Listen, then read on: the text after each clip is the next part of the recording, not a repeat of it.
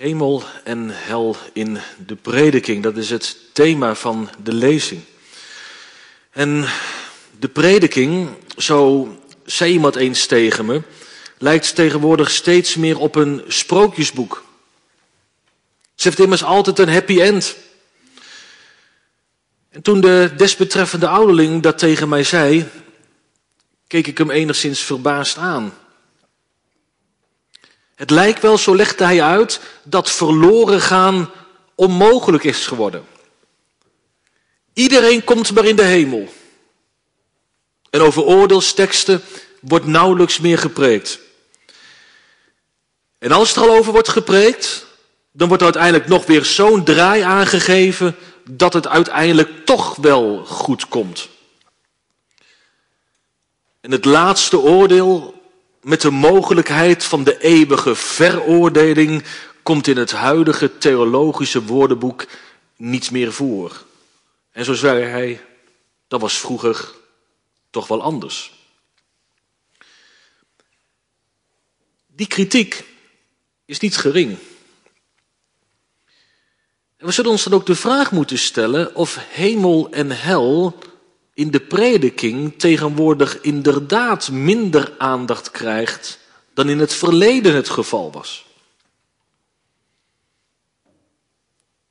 Wanneer hebt u voor het laatst een preek gehoord over de hemel? En wanneer heb jij voor het laatst een preek gehoord over de hel? Of misschien nog directer. Wanneer hebt u of jij voor het laatst nagedacht over de hemel en over de hel? Wat dat betreft is het goed dat er bij tijden ook expliciet aandacht voor wordt gegeven. En vanavond willen we in alle bescheidenheid en in alle voorzichtigheid wat zaken aan de orde stellen als het gaat over de plaats van hemel en hel in de prediking. En als thema zetten we boven de lezing hemel of hel, de plaats van onze eeuwige bestemming. Drie gedachten. Allereerst hemel en hel in het Oude Testament. In de tweede plaats hemel en hel in het Nieuwe Testament. En in de derde plaats hemel en hel in de prediking. Hemel of hel, de plaats van onze eeuwige bestemming. Hemel en hel in het Oude Testament, hemel en hel in het Nieuwe Testament en hemel en hel in de prediking. Dan maar eens die vraag. Wordt er in het Oude Testament eigenlijk wel gesproken over hemel en hel? Welke teksten uit het Oude Testament wijzen er nou op dat die oud-testamentische gelovigen, dat die wisten dat ze na hun dood geoordeeld zouden worden door de rechter van hemel en van aarde? Wij beleiden elke zondag dat aan de genadetijd een einde komt. Het zij door het sterven, het zij door de wederkomst van de Heer Jezus Christus. En dat dan de Heer het beslissende oordeel zal voltrekken over elk mensenleven. Eeuwig wel of eeuwig wee. Maar was dit voor het volk van God in het Oude Testament ook al zo duidelijk? Dat is toch ineens zo'n eenvoudige vraag. Zeker, er wordt in het Oude Testament over het oordeel van God gesproken. En in het boek Genesis komen we het oordeel van God immers ook al direct tegen. We kennen allemaal, de jongsten onder ons ook al, de geschiedenis van de zondeval. En dat de mens daarna het paradijs wordt uitgedreven. En dat hij komt op een wereld waarin lijden, vijandschap, moeite en druk en dood heersen als Godstraf op de zonde. En dat is de aanvankelijke voltrekking van Gods oordeel over de zonden. En in de dood vindt Gods oordeel zijn voltooiing. Maar naast de aanzegging van het oordeel komt God ook met zijn beloften van de verlossing. Denk maar aan de moederbelofte. En wat dat betreft in de hoofdstukken 2 tot en met 11 van het boek Genesis, dus tot aan de roeping van Abraham, heeft het oordeel van God een centrale plaats. Zomaar een aantal gedeeltes, als we het Oude Testament wat gaan doorbladeren. Genesis 3. We kennen die geschiedenis. Genesis 3. De mens die het paradijs wordt uitgedreven. Dan een hoofdstuk verder in Genesis 4. Kain die naar de woestijn wordt verbannen. Genesis 6. De voorzegging van de zondvloed. En dan in Genesis 11 de Babylonische spraakverwarring. Oordelen die plaatsvinden vanwege de zonde. Maar tegelijk zien we dat God ook reddend met de mens omgaat. Diezelfde hoofdstukken, Genesis 3, de moederbelofte. Genesis 4, dat na de dood van Abel Seth wordt geboren. Genesis 6, Noach en zijn gezin die worden behouden. En dan Genesis 11, Abraham, de vader aller gelovigen, de vader van Israël, die wordt geboren. En steeds staan ze tegenover elkaar. Zonde en genade, de straf van God en het heil van God. Ja, we lezen dus van oordeel, we lezen van straf, we lezen van dood, maar we lezen niet van de hel.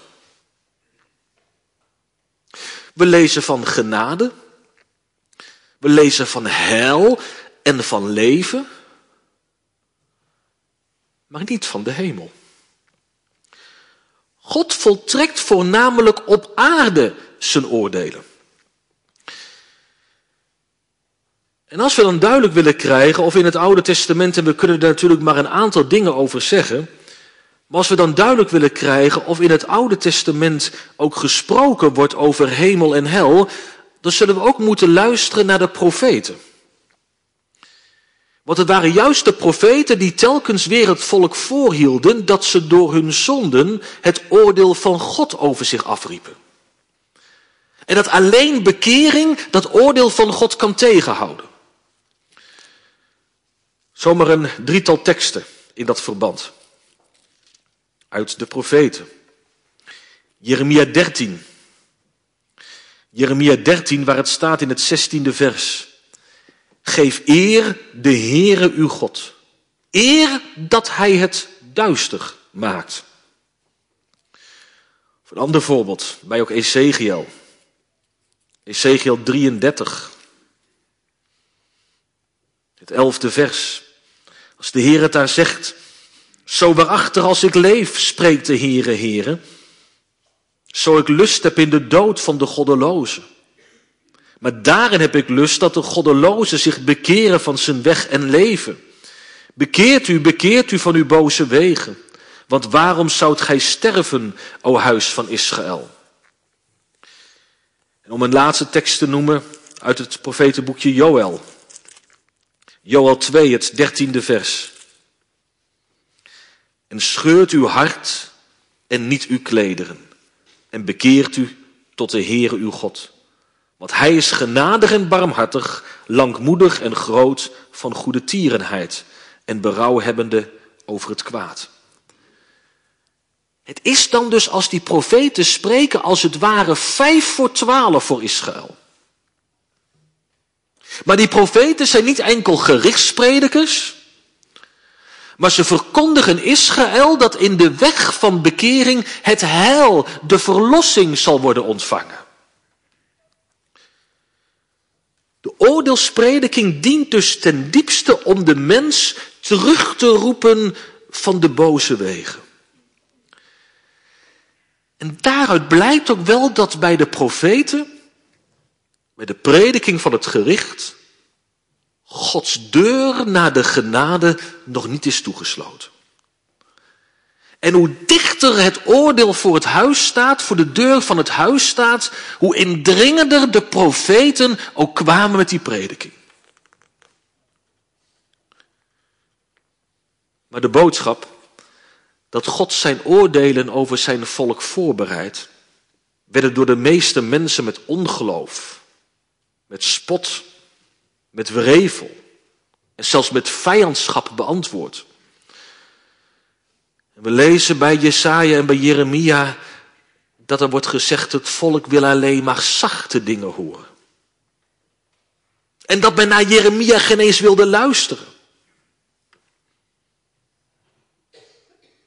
Misschien overeenkomsten met onze tijd?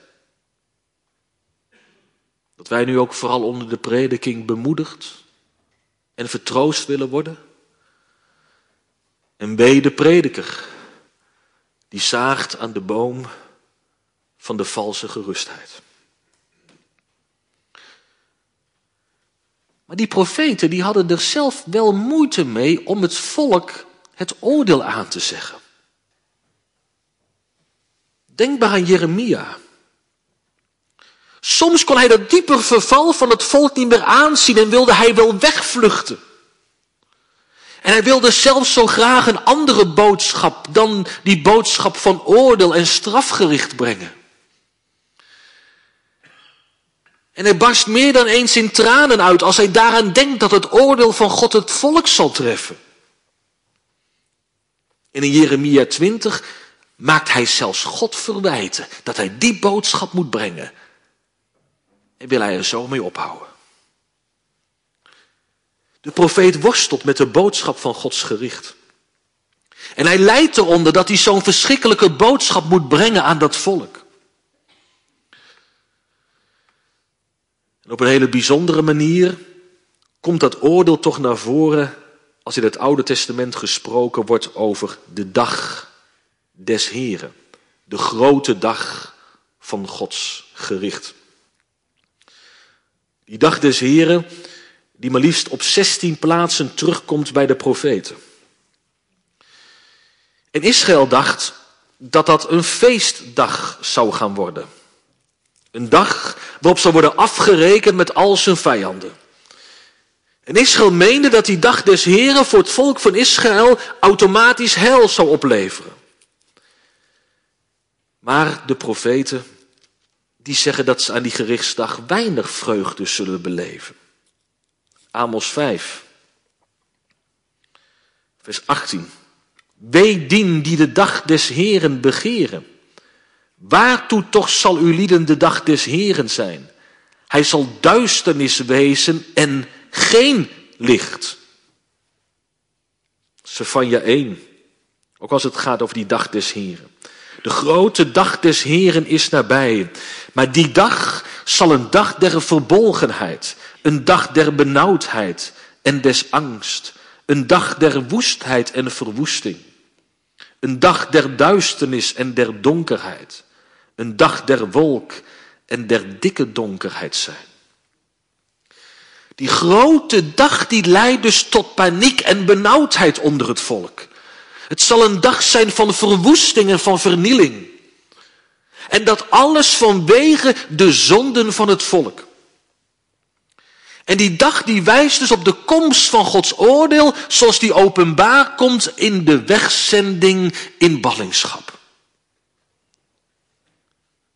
Maar al treedt dan het gerichtskarakter, het oordeelskarakter op de voorgrond, toch is uiteindelijk die dag des Heren bedoeld om heil te tonen. Sefania 3. Als het daar ook staat, ik zal in het midden van u doen overhouden, een ellendig en arm volk. Die zullen op de naam des Heren betrouwen. En een begrip als dus de dag des Heren, die laat dus de twee-eenheid zien. De twee-eenheid van gericht en van genade. Enerzijds dus een dag van oordeel voor de ongelovigen. Anderzijds een dag van hel voor het gelovige overblijfsel. En oordeelsprediking en helsprediking die zijn bij de profeten dus aan elkaar verbonden, waarbij uiteindelijk het hel triomfeert. Het oordeel zorgt niet voor een definitieve breuk tussen de Here en zijn uitverkoren volk. Er is een overblijfsel, een rest dat behouden wordt. Maar als we dan kijken naar de inhoud van het oordeel, dan zien we in het Oude Testament dat God zijn oordelen voornamelijk op de aarde voltrekt. Er zal een sprinkhanenplaag komen, een droogte, een misoogst, Joel 1. De vijanden zullen komen naar Israël. Ze zullen weggevoerd worden in ballingschap. Dus in het Oude Testament wordt het oordeel van God vooral betrokken in het, en voltrokken in het heden. De zondaars die worden gestraft met droogte, met hongersnood, natuurrampen, ballingschap of met hun eigen dood. En in het Oude Testament lezen we nog niet zo heel duidelijk over dat eeuwige oordeel achter de grenzen van de dood. Het leven in het hiernamaals laat de gelover in het Oude Testament over aan de Here met wie hij in gemeenschap leeft. En aan hem houdt hij zich vast, ook in de dood, en vertrouwt hij erop dat hij hem uit de macht van dood en verderf zal redden. Is dat alles wat we zeggen over het Oude Testament? Nee. Want drie teksten, en die moet u toch maar eens meelezen. Drie teksten die heel nadrukkelijk aangeven dat ook in het Oude Testament al iets oplicht van het definitieve karakter van het oordeel. Allereerst Jesaja. Jesaja 26. Jesaja 26 en daarvan het negentiende vers. Jesaja 26 vers 19. Uw doden zullen leven, ook mijn dood lichaam, ze zullen opstaan. Waak op en juicht, gij die in het stof woont, want uw dauw zal zijn als een dauw der moeskruiden, en het land zal de overledenen uitwerpen. En hier wordt dus gesproken over de opstanding der doden. Ja, van de verloste vromen. Niet van de goddelozen, maar wel van de verloste vromen. Dat die zullen opstaan. In datzelfde, boek, in datzelfde boekje Jesaja een tweede tekst. Hoofdstuk 66. Het laatste hoofdstuk. Ook het laatste vers van Jesaja. Niet zonder reden het laatste vers. Jesaja 66 vers 24. En ze zullen heen en uitgaan en ze zullen de dode lichamen der lieden zien die tegen mij overtreden hebben. Want hun worm zal niet sterven en hun vuur zal niet uitgeblust worden en ze zullen allen vlees een afgrijzing wezen. Hier wordt dus het oordeel uitgesproken over de zondaars. Hun lijken zullen buiten Jeruzalem liggen en de wormen zullen ervan eten. Die lijken zullen worden verbrand. En het vuur is niet te blussen. En dat onuitblusbare vuur en die stervende worm, die niet stervende worm, die laten iets zien van het eeuwigdurende karakter van het oordeel. De straf voor de goddeloze is eeuwig en blijft. En dan een laatste tekst uit Daniel. Daniel 12. Daniel 12, vers 2. Waar Daniel ook geleid door de Heilige Geest ook veel heeft mogen zien wat in het Oude Testament grotendeels verborgen bleef. Maar hier mag al wat van het licht opgaan. Daniel 12, vers 2. En velen van die die in het stof der aarde slapen, zullen ontwaken dezen ter eeuwige leven en genen tot versmaadheden en tot eeuwige afgrijzing. Hier heel expliciet. Opstanding ten eeuwige leven. Opstanding tot de eeuwige verdoemenis. Dat is het Oude Testament. En hoe dan nu in het Nieuwe Testament? Dat is het tweede punt. Hemel en hel in het Nieuwe Testament. Johannes de Doper laten we maar liggen, daar gaan we nou niet op in. We kijken vooral naar de prediking van de Heer Jezus. Kunnen we ook niet alle tekstplaatsen van noemen. Maar ook van de kern van zijn prediking is de boodschap, de blijde boodschap van de komst van het koninkrijk van God. En als de Heer Jezus spreekt over het oordeel, doet hij dat altijd op aankondigende wijze. De Heer Jezus brengt wel het gericht, maar nog niet direct. In de prediking wil hij de mensen voorbereiden op die grote dag van het gericht. Nu is er nog de gelegenheid om zich te bekeren. Het laatste gericht is er nu nog niet. Straks op de oordeelsdag zal de deur dichtgaan. En wie dan nog probeert in te gaan, zal voor een dichte deur staan. Maar wie in hem gelooft, die wordt niet veroordeeld. Maar die niet gelooft, is al reden geoordeeld. De prediking van het oordeel is dus ook bij de Heer Jezus prediking van het heil. De zondaar wordt opgeroepen om weg te vluchten van de toekomende toorn en het leven te zoeken in de Heer Jezus Christus voordat het te laat is. En zo heeft de prediking van het gericht bij de Heer Jezus geen zelfstandige plaats, maar staat hij in het licht van het evangelie van de verlossing en de bevrijding. Maar de Heer Jezus maakt zich ook bekend als de rechter die op de oordeelsdag een scheiding zal brengen. We lazen dat immers Matthäus 25. Er is dus een tweeërlei einde. Eeuwig leven of eeuwige straf. En iets van die scheiding, die valt al in het heden. Want rondom de prediking van de Heer Jezus vallen de beslissingen. Of het brengt tot geloof, of het leidt tot vijandschap. En zo is het toch nog altijd. Nooit kunnen we toch vrijblijvend onder de prediking zitten. Of het leidt tot verslagenheid van het hart en het de toevlucht nemen tot de Heer Jezus Christus. Of het onverschillige hart wordt alsmaar kouder, killer en onverschilliger.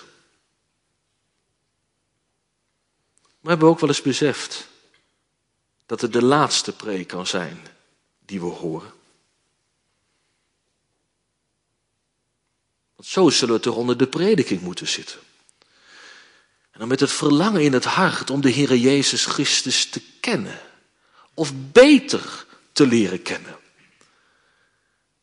Want als de prediking ons niet brengt aan de voeten van de Heer Jezus Christus, dan zullen we eens voor Hem moeten verschijnen en zal Hij ons als de rechter veroordelen. En als we dan kijken naar hoe de Heer Jezus daarover spreekt, over die zaken, dan zullen we een heel aantal woorden kunnen bekijken, maar ik wil het maar doen met twee woorden. Twee woorden die de Heer Jezus gebruikt.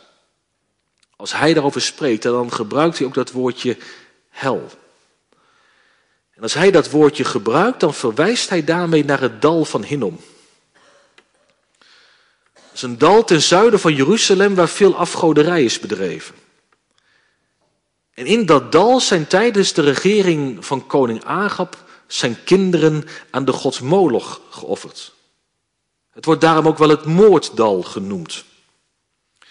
En het dal van Hinnom werd de latere vuilnisbelt van Jeruzalem, waar allerlei vuil naartoe werd gebracht om verbrand te worden.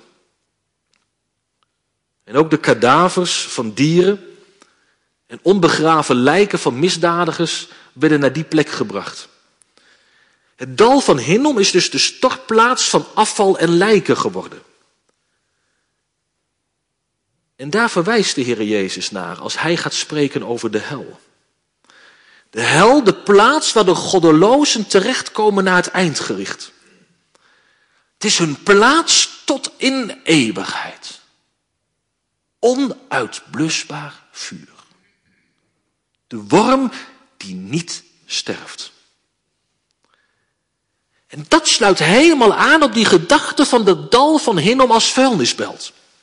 Want op die vuilnisbelt knagen de wormen voortdurend aan die in ontbinding verkerende kadavers. En de worm is het beeld van het knagende geweten. En die worm die sterft niet. De veroordeelden zullen eeuwig last hebben van hun geweten. En vuur is het beeld van Gods gericht, waarbij alle ongerechtigheid wordt vernietigd en de zondaars worden verbrand. En het vuur is onuitblusbaar, het oordeel duurt eeuwig. Dat is een woord dat de Heer Jezus gebruikt, de hel.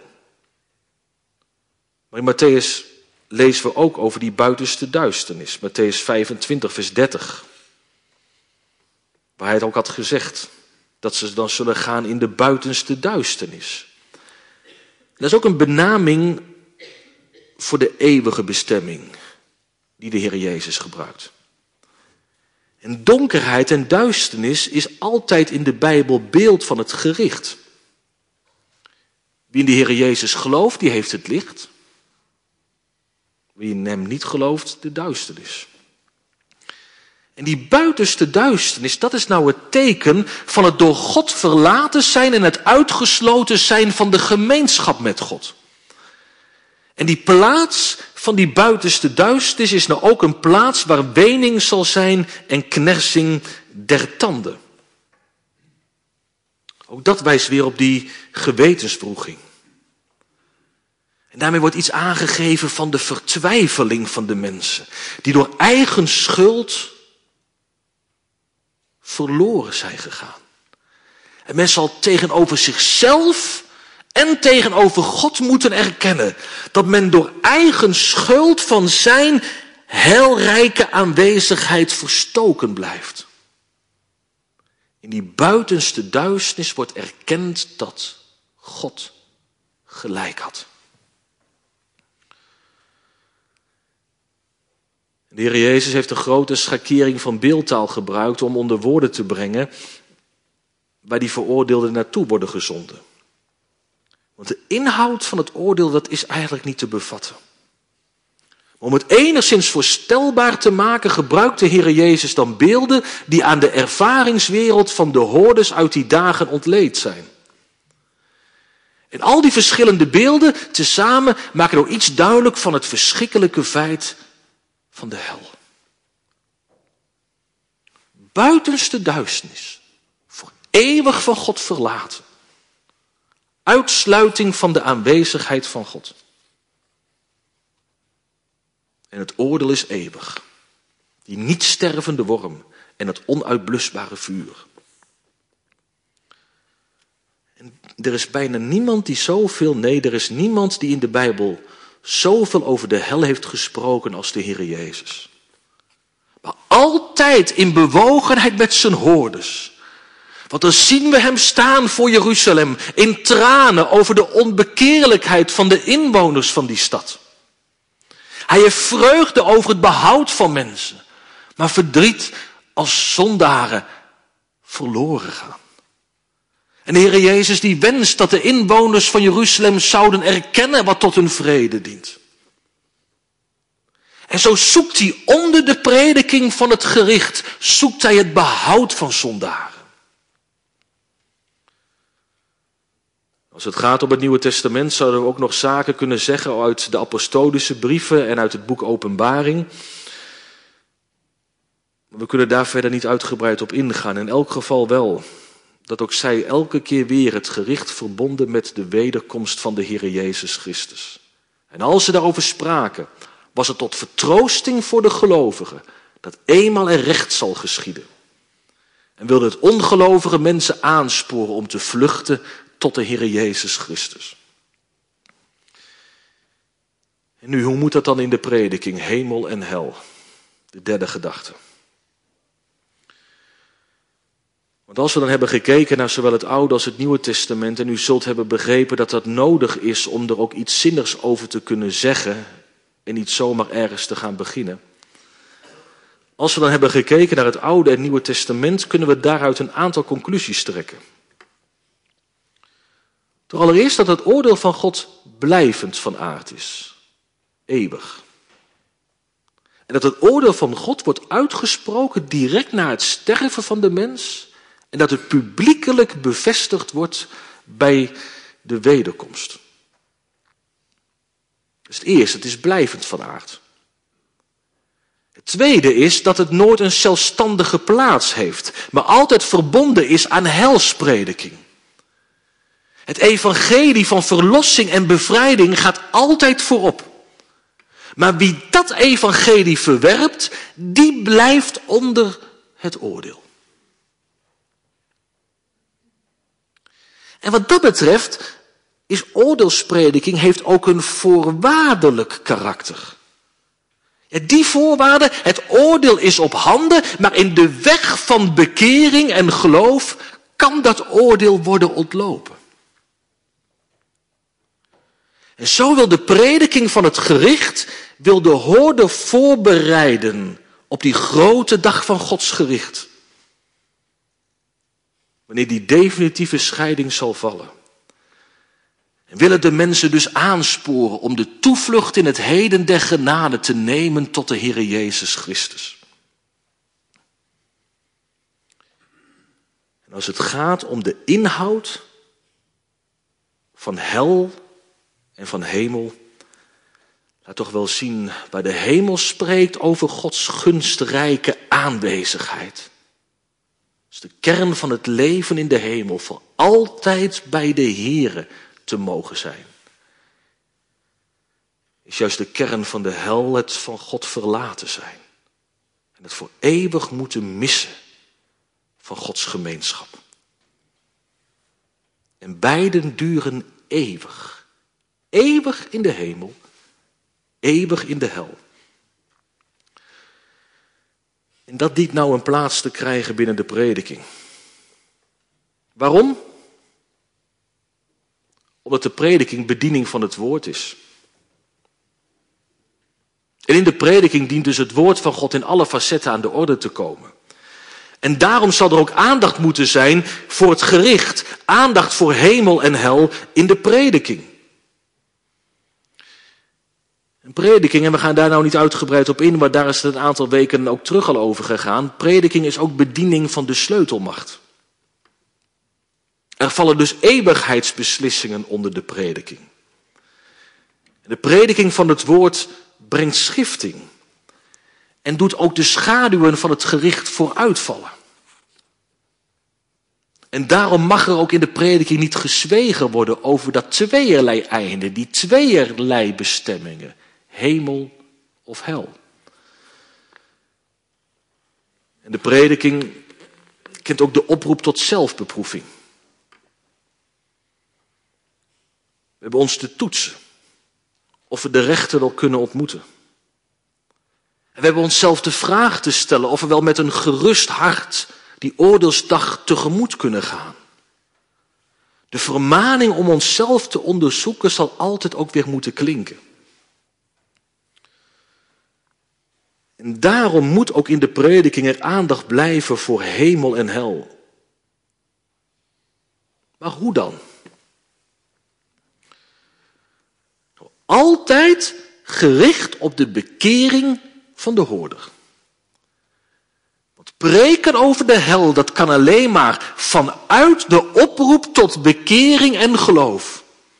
Want wie de Heere Jezus in het heden verwerpt als rechter, als, als redder, krijgt in de toekomst op die oordeelsdag met hem van doen als rechter. En zo worden mensen niet bang gemaakt, zoals wel eens werd gezegd, een hel- en verdoemenispreek. Alles behalve. Als er over de hel en over de verdoemenis gesproken wordt, is dat altijd met het oog om zondaren te bewegen tot Christus te gaan.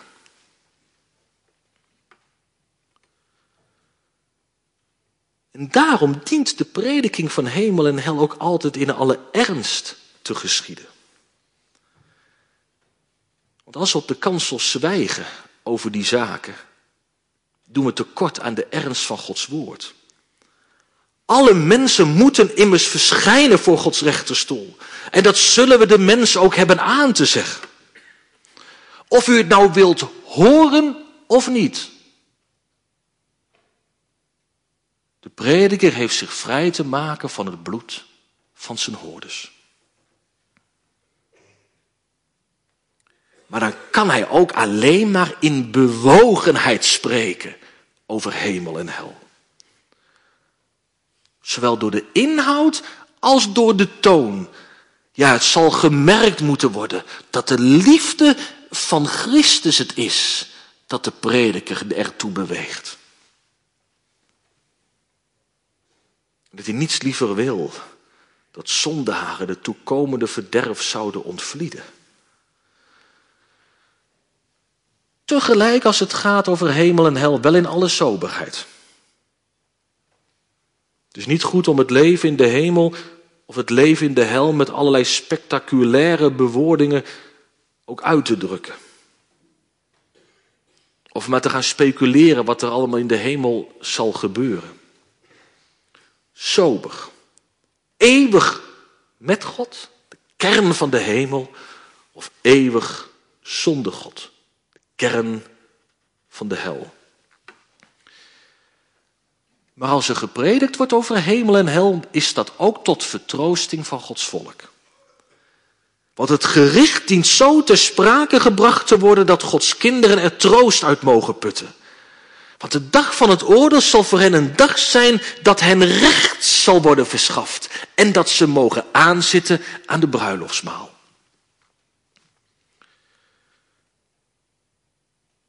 Nu uiteindelijk zullen we moeten zeggen, dit thema, het raakt ons allemaal. Want wij allemaal zullen eens geplaatst worden voor de rechten van hemel en aarde. En dan komt de scheiding openbaar. En daar zullen we ook op voorbereid moeten zijn. En het trof me opnieuw, dat ingrijpende wat we lezen in Matthäus 8. Matthäus 8, vers 12, waar staat: En de kinderen des koninkrijks zullen uitgeworpen worden in de buitenste duisternis. Al daar zal wening zijn en knersing der tanden. De kinderen des koninkrijks zullen uitgeworpen worden. Wie zijn nou die kinderen? Het zijn niet de kinderen van de wereld. Nee, die vind je in de kerk. Zij die elke zondag met het Bijbeltje onder de arm naar de kerk lopen.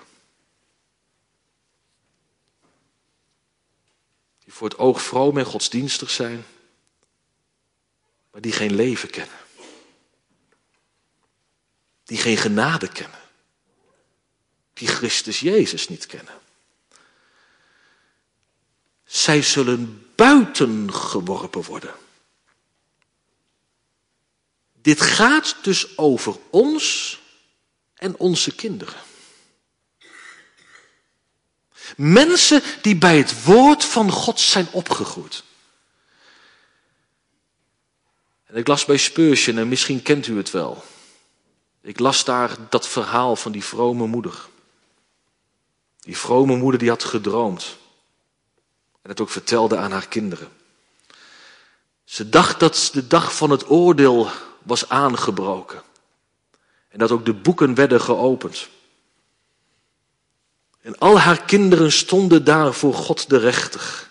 En de Heere Jezus die zei, scheid het kaf van de koren en plaats de bokken aan mijn linkerhand en de schapen aan mijn rechterhand.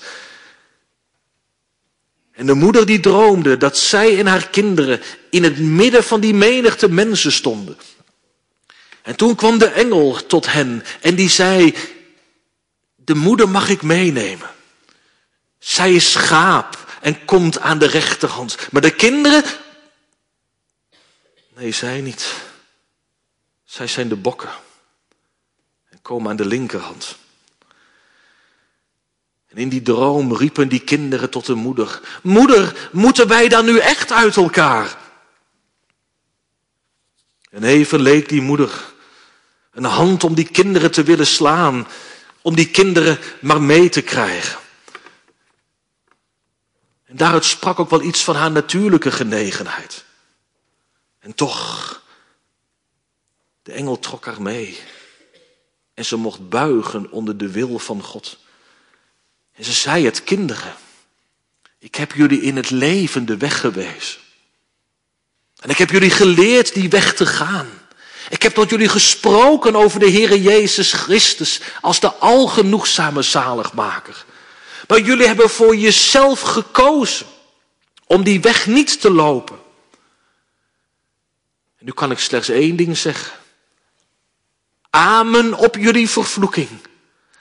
Amen op jullie veroordeling. En toen werden zij van haar weggenomen. Terwijl zij naar de hemel ging, gingen haar kinderen naar de hel. Hoe aangrijpend. Vele kinderen des koninkrijks, die buiten geworpen zullen worden. De weg gewezen, gehoord van het reinigende bloed van Christus, zondag aan zondag gezeten onder de bediening van de verzoening, aangespoord om de toevlucht te nemen tot de Heer Jezus Christus, maar in de hel geworpen omdat u niet wilde geloven in de Heer Jezus Christus. En ervoor gekozen om de Christus des schriften af te slaan en de rug toe te keren. Uitgeworpen, zo staat het er. En dan komt zo een voor de hemelpoort. Zal hij het horen uit de mond van de Heer Jezus. komt hij, die niet wilde weten van genade. Wel godsdienstig, maar niet godvrezend. Wel gedeeld in de voorrechten. Maar altijd versmaad. Het was hem of haar nooit om Christus te doen. En dan moeten al onze jamaars het zwijgen worden opgelegd. Ja, u smeekt dan nog om genade. Maar dan is er geen genade meer. Het is dan te laat. Uitgeworpen. Uitgeworpen omdat u in het heden der genade de Christus hebt verworpen. En dan te komen in die buitenste duisternis, de plaats waar geen hoop en geen verwachting en geen licht is, maar bovenal de plaats waar God niet is.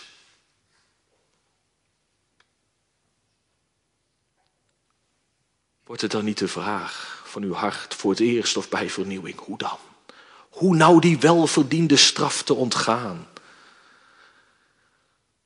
Geloof in de Heere Jezus Christus en gij zult behouden worden.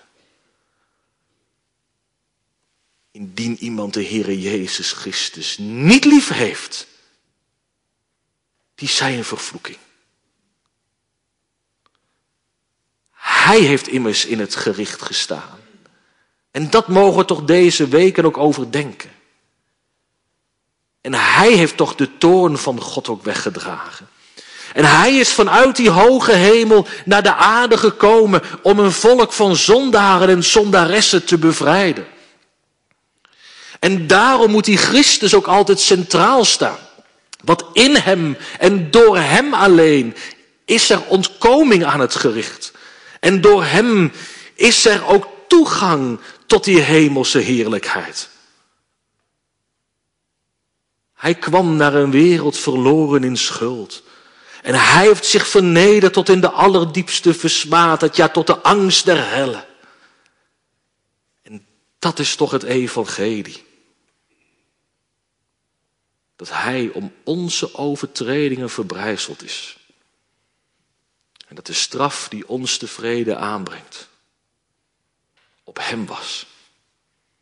De toorn van God, waaronder een volk dat de hel had verdiend, had moeten wegzinken. Het is op hem gelegd. En buiten die stad Jeruzalem is het grote gericht van God voltrokken. Daar kwam de Heere Jezus te hangen in het duister van het godsgericht. En als het lam van God heeft hij de zonde der wereld weggedragen.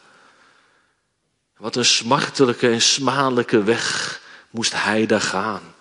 En in de hof van Gethsemane was het al op hem afgekomen. En worstelde hij voor die weg die hij moest gaan. Hij werd gevangen genomen. Als een misdadiger werd hij weggevoerd. Werd hij geplaatst voor Pontius Pilatus. En wordt hij geleid naar die kruisheuvel. Kwam hij te hangen aan dat vervloekte kruishout. En hij werd aan het kruis geslagen met aan weerszijden een misdadiger. Allen hadden hem verlaten en zelfs toen, in die drie uur durende duisternis, verliet God de Vader zijn zoon.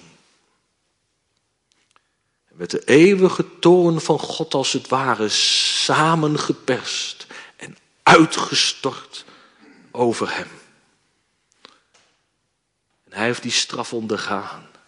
Maar in hem is de hitte van Gods gramschap geblust. En hij is het die de schuld van zijn kerk ook heeft betaald.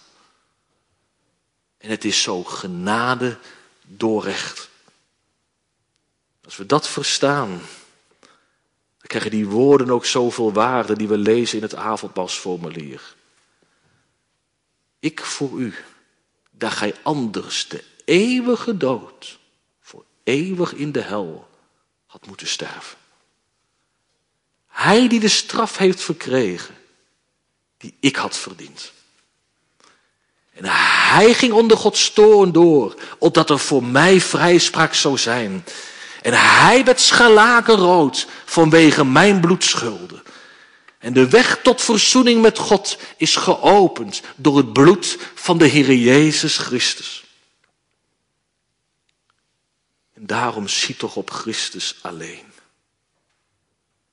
En vertrouw u toch toe aan die gewillige zaligmaker. En rust toch op het offer dat Hij heeft gebracht. En werp u toch in dat reinigende bloed van het lam. Want er is een fontein geopend tegen uw zonde en tegen uw onreinheid. En deze Christus is gegeven tot een volk volkomen verzoening van al uw zonden. Bedenk het, buiten Christus vind je geen leven. Maar buiten Christus wacht je de eeuwige dood. Wie hem wel lief heeft. En wie heeft leren leunen en steunen op Christus. Die niemand anders heeft overgehouden dan Jezus alleen. En wie met de ogen van zijn ziel heeft mogen blikken op de zaligmaker. En wie heeft leren uitgaan tot de Heere Jezus. Misschien slechts van achteren zijn kleed aangeraakt. En toch de kracht die er van hem uitging te hebben gevoeld in uw ziel. Ja, die wacht. De eeuwige gelukzaligheid in de hemel. Wat een geluk zal dat zijn. Als je dan voor altijd op het lam mag zien. En die zaligheid als je voor altijd in zijn nabijheid mag zijn. Dat het nooit meer gehinderd zal worden door je eigen zonde. En dat die blik nooit meer belemmerd zal worden door alles wat je er zelf tussen plaatst. En dat je in alle volmaaktheid het loflied mag gaan zingen op het lam. De Heere die wil dat nog werken. En die wil het nog geven. En daartoe wil hij nu, heden, in het heden der genade, met een zondaar in het rechtsgeding treden. Ja, zo, dat hij alles van jezelf wegneemt en alles van jezelf wegslaat. Want als God toch gaat werken in een mensenleven, dan daagt hij toch ook een mens voor zijn rechterstoel. En krijgt u te doen met het heilig recht van God. En worden al de zonden u ook voor de ogen gesteld. En de schuldbrief thuis bezorgd. En je gaat verstaan dat je tegen een heilig en een goeddoend God hebt gezonderd. En u moet het ook erkennen. Al Gods geboden overtreden. En daarom ook straf verdient. Maar als de Heere hier in het heden der genade gaat richten, doet Hij dat niet om u te plagen, maar doet Hij dat juist tot uw behoud. Want zo wil Hij een mens leren dat hij alleen maar kan leven van de gerechtigheid die er ligt in de Heere Jezus Christus.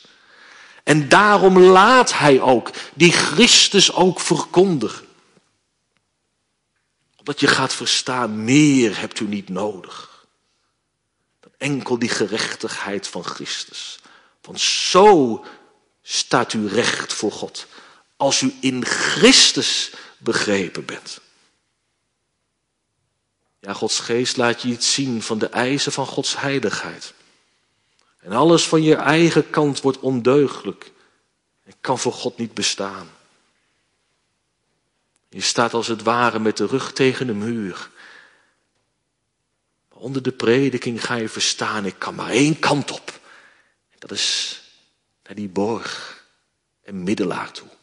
Door God gegeven tot volkomen verzoening van al de zonde. En in hem volmaakt rechtvaardig, verlost van het vonnis der wet. En om zo alles te mogen vinden in de Heere Jezus Christus. Om zo vervuld te mogen worden met de weldaden die Christus heeft verworven. Om zo te mogen rusten in dat volbrachte werk van de Heere Jezus Christus. Hoe zalig is dat? Je zelf niets wordt, maar Christus tegelijk alles voor je wordt. Hoe zult u rechtvaardig verschijnen voor God? Hoe zal daar voor u ooit een plaats in de hemel kunnen zijn? Alleen door Christus. Alleen in Christus. Daar loopt ook altijd weer de prediking van hemel en hel op uit. In Christus rechtvaardig voor God. Buiten Christus moet je het doen met jezelf. Door Christus bevrijd van de toornen van God. Maar buiten de Heere Jezus zul je zo voor God moeten verschijnen. Met een berg van zonde en ongerechtigheden. Maar wie in Christus is, is een pelgrim onderweg naar het hemelse Jeruzalem. Hoe staat het er met u voor? Mag u het weten? Wat uw eindbestemming is? Hemel of hel? Indien iemand de Heere Jezus Christus niet lief heeft, die zij een vervloeking. Maranatha. Amen.